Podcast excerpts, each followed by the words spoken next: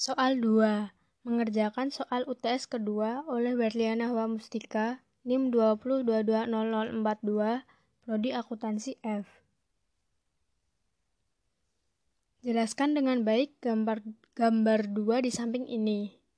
Gordon Moore merupakan salah satu pendiri Intel mengenali fenomena ini pada tahun 1965, mencatat bahwa jumlah transistor mikroprosesor telah berlipat ganda setiap tahunnya. Pemahamannya akhirnya dikembangkan menjadi hukum Moore, yaitu jumlah sirkuit terintegrasi pada sebuah chips berlipat ganda setiap dua tahun.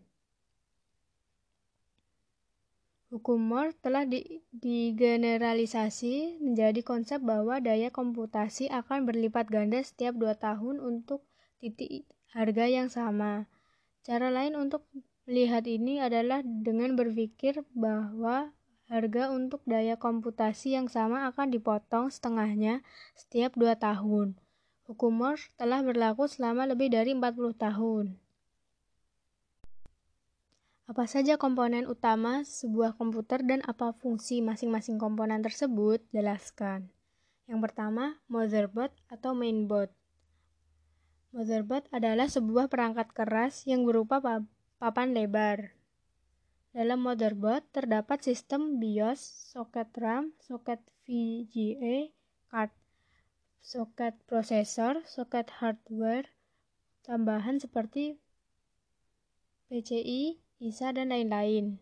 Fungsi motherboard adalah sebagai sebuah pusat dari komponen lainnya, sehingga dapat terhubung dan bekerja menjadi satu kesatuan dalam perangkat komputer.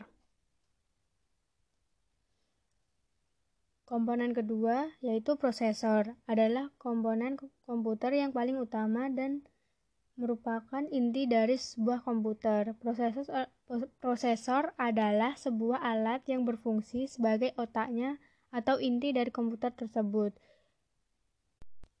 Fungsi prosesor adalah melakukan proses data input, kemudian akan menghasilkan output ke beberapa perangkat hardware yang lain.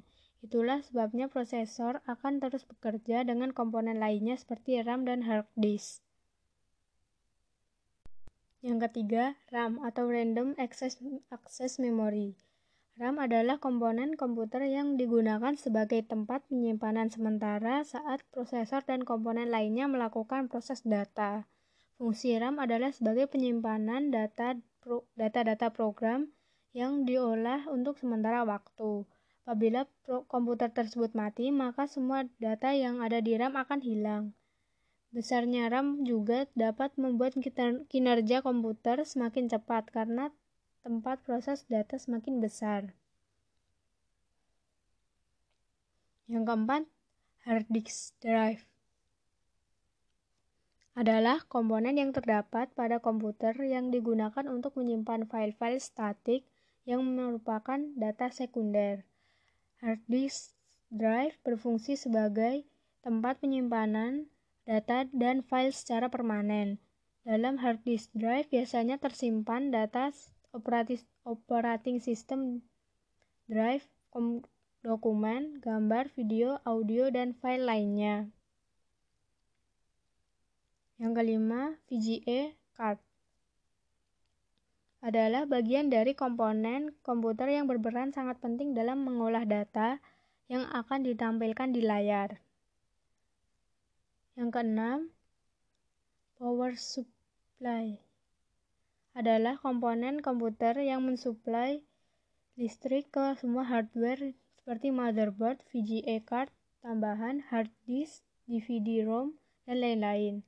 Power supply memiliki fungsi sebagai penyedia tegangan listrik untuk semua perangkat keras komputer lainnya.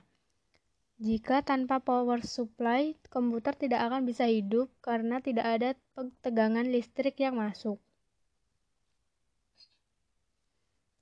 Dan yang ketujuh adalah chasing. Chasing merupakan bagian luar dari komputer yang membungkus semua komponen komputer lainnya.